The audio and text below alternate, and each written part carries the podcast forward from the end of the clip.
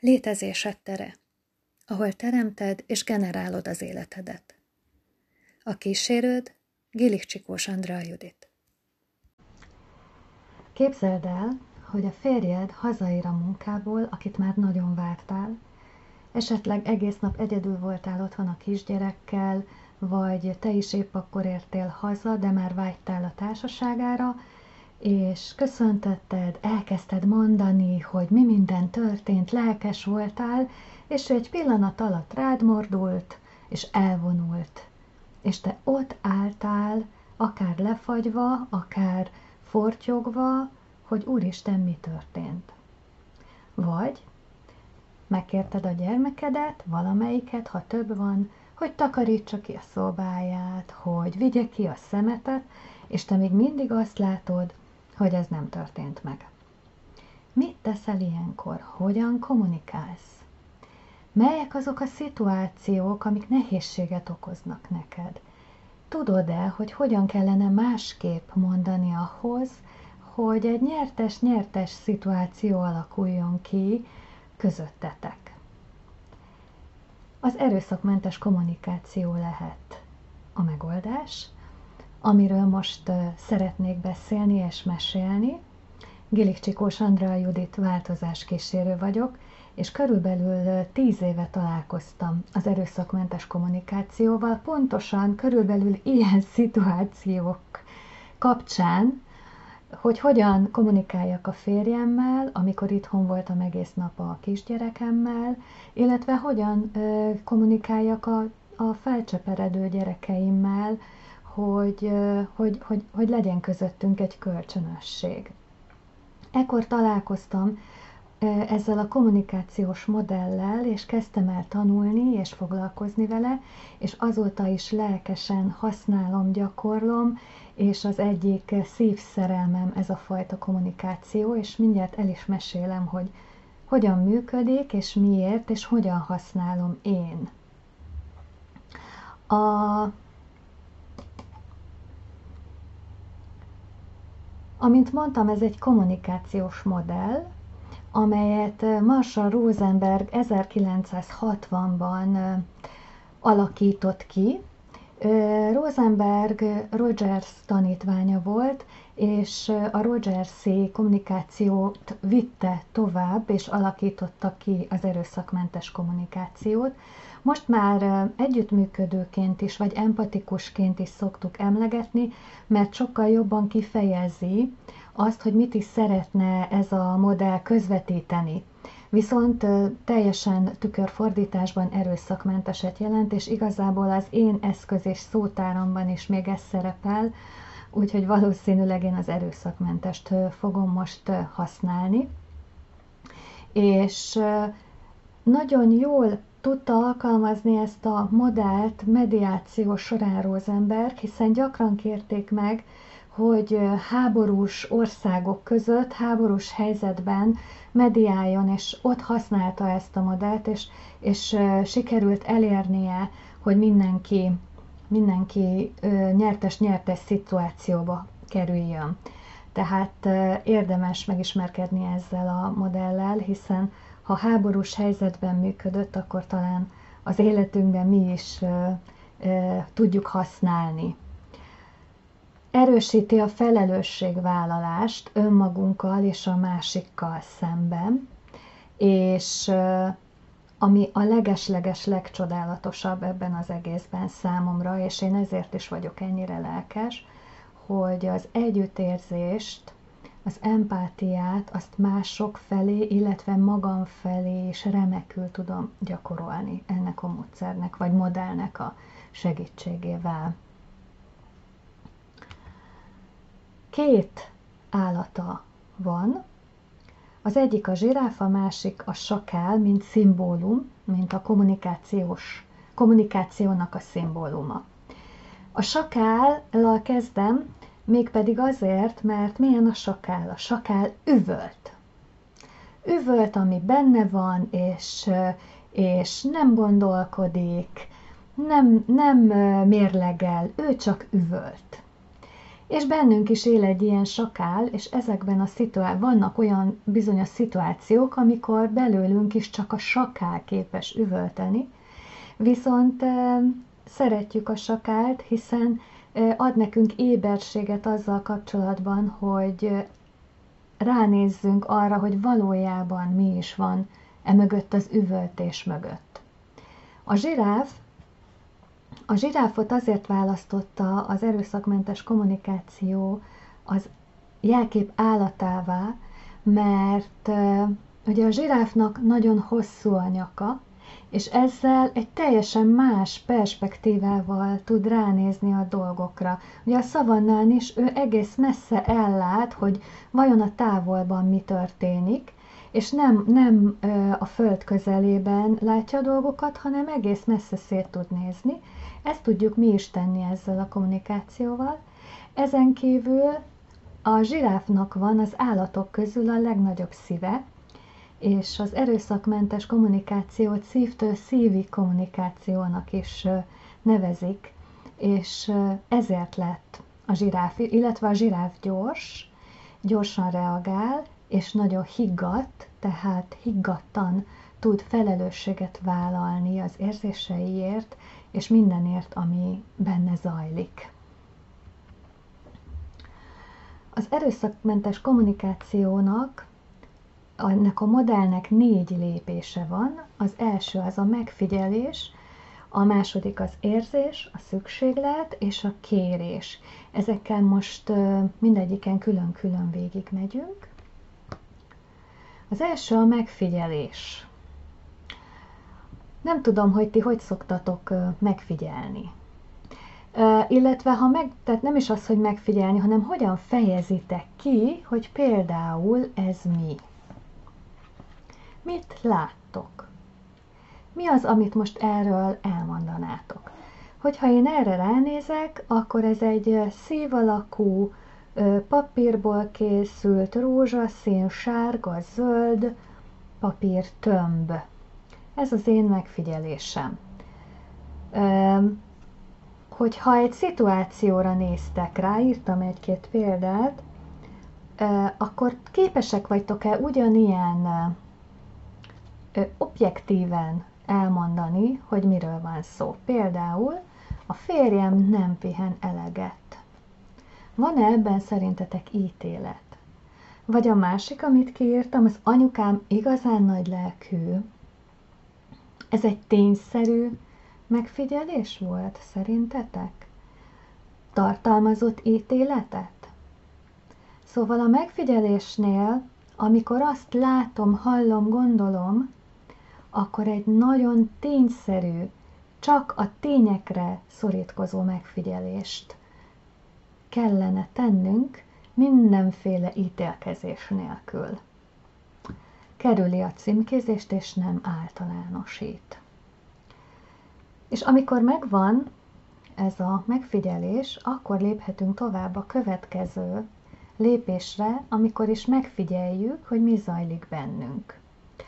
Föl is írtam, hogy gyakran keverjük össze kifejezés módban az érzéseket, például úgy érzem, hogy nem figyelsz rám eleget. Ez nem tartalmazza azt, hogy te hogyan érzed magad valójában. Vagy az az érzésem, hogy el fogunk késni. Érzésem szerint nagyon késő jöttél haza. Vagy érzésem szerint ennek nem itt van a helye. Ez egyik mondat sem tartalmazta, hogy valójában bennem mi zajlik. Az érzés nagyon szorosan összefügg a szükséglettel. Tehát az érzéseink egy kielégített vagy egy kielégítetlen szükséglethez kapcsolódnak, ehhez képest érezzük magunkat jól vagy rosszul. Hogy az a bizonyos szükséglet kielégül, vagy nem elégül ki. És itt kellene megfogalmaznunk, hogy hogyan is érezzük magunkat. Egy érzés soha nem jó vagy rossz, kicsit vagy nagyon. Egy érzés mindenkinek a sajátja. Például csalódott vagyok, például vagy csalódottság van bennem, vagy, vagy, vagy hála van bennem, vagy fornak bennem az indulatok, vagy amit ide tettem, kétségbeesett vagyok, vagy kétségbeesés, kétségbeesettség van bennem. Tehát ez teljesen más, mint amikor azt mondom, hogy úgy érzem, hogy elkéstél. Oké, okay? csak a saját érzéseimért vagyok felelős. Ez nagyon fontos. Csak a saját érzéseimért és szükségleteimért tudok felelősséget vállalni. Az, hogy benned, ez, benned mi van, azért nem. Az, hogy ez benned mit vált ki, milyen érzést és szükségletet, amit én mondok, azért szintén nem tudok felelősséget vállalni. Tehát ez egy nagyon fontos alaptétel, hogy csak a saját érzéseidért és szükségleteidért vagy felelős. És ha megtaláltad, hogy mi is az az érzés, ami ehhez a szituációhoz kapcsolódik, akkor következik a szükséglet megfogalmazása, például itt az őszintesség szükségletét vagy erőforrását tettem ki, ami szintén egy alapvető emberi igény a szükséglet. És akkor minden érzés egy kielégítetlen vagy kielégült szükségletből fakad. Akár az érzést, akár a szükségletet nagyon nehéz megfogalmazni és felvállalni, és tulajdonképpen azért, mert nem szoktunk ehhez a fajta kutatáshoz, keresgéléshez saját magunkban. Tehát sokszor saját magunk sem vagyunk tisztában azzal, hogy mit is érzünk. Hogy mi is a valódi igényünk, hogy mi is a valódi szükségletünk, mit szeretnénk. És ezért egy nagyszerű eszköz ez a fajta kommunikációs modell, mert ezáltal megismerhetjük ezeket a legmélyebb, legbensőbb érzéseinket és szükségleteinket, és ahhoz mérten, hogy szeretnénk ezt kommunikálni vagy nem, akár meg is tehetjük, vagy megtarthatjuk magunknak. Erről majd még fogok beszélni. Szóval, ha megvan az ítéletmentes megfigyelés, és megtaláltuk az érzést, megtaláltuk a hozzá kapcsolódó szükségletet, vagy fordítva, de általában érzést és szükségletet, akkor utána jöhet a kérés, ami az erőszakmentes kommunikáció negyedik lépése, ami mindig cselekedhető, mindig tud, meg tudom tenni azt a dolgot, vagy nem tudom megtenni, teljesíthető, a nagyon fontos, elutasítható, tehát olyan kérést kell megfogalmaznom, amire el tudom fogadni, hogy a válasz az, hogy nem. És akkor kezdhetek egy zsiráf táncba ezzel kapcsolatosan, hogyha szeretnék, hogy akkor a másik hogyan reagál, és én arra hogyan reagálok, és hogy jutunk el a megoldásig. És nagyon fontos, hogy kérni nem csak a másiktól kérhetek, hanem saját magamtól is, és ez megkönnyíti egyébként a kommunikációt. Tehát ez a negyedik lépés. És akkor hogyan is néz ki, hogyha mondjuk a szemetes példánál maradunk, hogy azt látom, tehát amikor azt látom, hogy még nem vitted ki a szemetet, akkor csalódott vagyok, mert együttműködésre lenne szükségem, és kérlek mondd meg, hogy mikor tudod kivinni a szemetet. Így néz ki egy MK-s mondat, amit ki is mondhatok konkrétan annak, akihez szeretnék kapcsolódni, de magam is végig zongorázhatom ezt. Itt ugye a másiktól kértem, hogy mikor tudja kivinni. Mert például, ha éppen benne van valamiben, akkor azt tudja mondani, hogy 10 perc múlva tudom kivinni a szemetet. És fél óra múlva tudom kivinni a szemetet. Vagy azt mondja, hogy ne haragudj, de én most sem most, se később nem tudom kivinni a szemetet, mert határidős munkám van, és akkor, akkor eldönthetem, hogy hogyan lépek tovább. Tehát, de mégis másképp hallatszik, hogy megint nem vitted ki a szemetet, és csak fortyogok, fortyogok magamban, míg hogyha rájövök, hogy ez miből is fakad, akkor könnyebben tudom ezt a másik felé kommunikálni. Bonyolultnak tűnhet, és mesterkértnek tűnhet. És valóban nem beszélünk így a mindennapok során, ugyanakkor én azt tapasztaltam, hogy ha gyakorolom saját magam egy kis füzetbe ezeket a lépéseket, és meg, meg lépésenként a megfigyelést, az ítéletmentes megfigyelést, megkeresem az érzéseket, a, a szükségleteket, és esetleg kérek magamtól, vagy esetleg a papíron kérek a másiktól, akkor egyre természetesebbé válik. És megvan az erőszakmentes kommunikációnak az az előnye, hogy nem szükséges a másiknak ismernie ezt a nyelvet.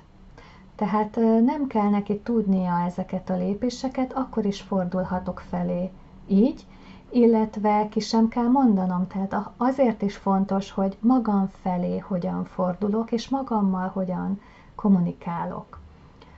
És az sem kötelező, hogy ha én nem akarok valakivel ilyen módon ennyire odaadni valakinek tálcán az én érzéseimet és szükségleteimet, felkínálni és kitárulkozni és sebezhetővé válni, akkor nem kell.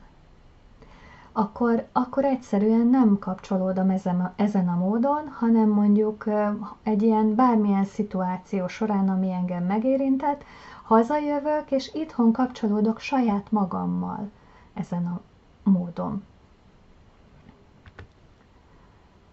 Igen, tehát az empátia, az önmagunkkal való empátiának ez a legeslegjobb módja, mert, ahogy itt is van, tét nélkül gyakor, gyakorolhatjuk, hiszen senkinek nem kell hallania, senkinek nem kell megmutatni, és, és, és, és nincs, nincs, senki nem kéri számon, ugyanakkor az önvád alól mentesíteni tudjuk, vagy felmenthetjük magunkat.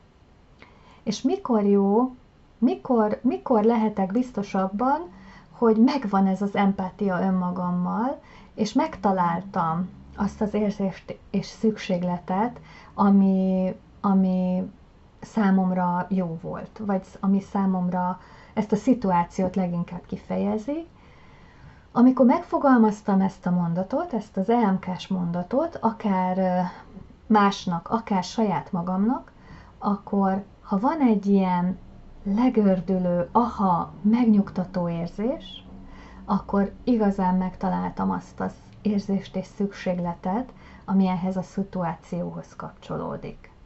Tehát addig, addig kell kutakodni magunkban az érzések és szükségletek után, amíg ez az aha érzés, ez a megkönnyebbülés meg nem születik bennünk. A düh és a harag az egy, azt az erőszakmentes kommunikáció egy tünetként kezeli, tehát az valami olyan nagyon erős, kielégítetlen szükségletből fakad, ami ezt eredményezi. És, és, és lehet, hogy több rétegű, hogy, hogy több, több kis, mint a hagyma, tudjátok, úgy épülnek egymás, az én dühöm érzései és szükségletei úgy épülnek egymásra, amíg itt belül megtalálom ennek az igazi eredőjét, ami, ami a legeslegfontosabb kielégítetlen szükségletem, ami mellé kapcsolódik egy érzés. És, és ahogy itt is van, a zsiráf nem valakire dühös, hanem valamiért dühös. Tehát a, nem arra vagyok dühös, hogy a fenébe már megint hazajött, és én nem mondhatok neki egy szót sem, mert már elment, és leült a tévé elé, mert nem tudom, hanem, hanem oké, okay, akkor mi zajlik bennem, ami ezt a dühöt most felszínre hozta? Mi az, amire valóban dühös vagyok? Miért vagyok valóban dühös? És az egyik kedvenc kártyám a kompátia életkerekítő játékokban vannak érzés, szükséglet és különböző szituációs kártyák, amit itt föl is tettem több résznél, ez a fornak bennem az indulatok, ez, ez a leges legjobban kifejezi, hogy mennyi árnyalata lehet egy érzésnek, egy, szüks, egy, egy érzésnek, egy dűnek, egy haragnak. Tehát fornak bennem, az nem csupán dühös vagyok, hanem fornak bennem az indulatok. A grafika egyébként Benderita munkája, a kompatia életkerekítő játékokért pedig hatalmas hála Jóna Éva Havának és Redő Júliának és Benderitának. Ha rákerestek, akkor ez, ez elérhető egyébként a piacon most. Az MK a köszönet, elismerés és a hála egyik eszköze is lehet. Hogyha ilyen módon fejezett ki a háládat, a, mondjuk kivitte a, a szemetet a gyereked, vagy mindegy, akit megkértél, akkor nem azt mondod, hogy oké, okay, köszi, hanem azt mondod, hogy amikor már, amikor azt láttam, hogy kivitted a szemetet, akkor hálás voltam, mert együttműködést, szeretetet kaptam belőle, ezért köszönöm. És ha valaki felé így fordulsz, akár ismeri ezt a nyelvet, akár nem, ez egy, ez egy rendkívül erős összekapcsolódás, és erre semmi más válaszra nincs szükség, csak arra, hogy szívesen. És és ez egy fontos dolog még egyébként, hogy hogyan tudjuk fogadni egyáltalán nem csak ezt a fajta köszönetet és hálát, hanem egyáltalán anélkül, hogy lekicsinyelnénk a saját tettünket, tehát a befogadásunk hogyan működik ezekkel a dolgokkal kapcsolatban, bár az egy másik előadás témája is lehetne, de hogy egyszerűen csak fogad be, fürdőz ebben a köszönetben és hálában, főleg ha ezzel a módszerrel érkezik. Soha nem lehet a manipuláció eszköze. Tehát soha nem azért mondunk így köszönetet és hálát, mert azt szeretnénk, hogy az a másik akkor innentől kezdve életünk végéig vigye ki a szemetet, vagy bármi, most csak ilyen triviális példánál maradjak.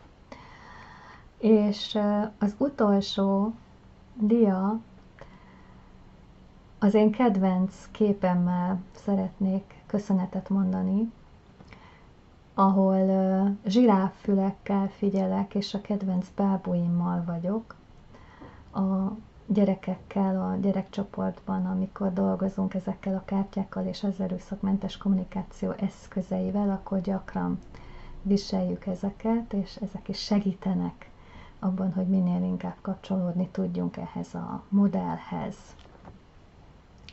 Köszönöm a figyelmet, hogyha bármilyen kérdésetek van, akkor kommenteljetek, és szívesen válaszolok, illetve bármelyik elérhetőségemen elérhető vagyok, ír, írjatok, hívjatok,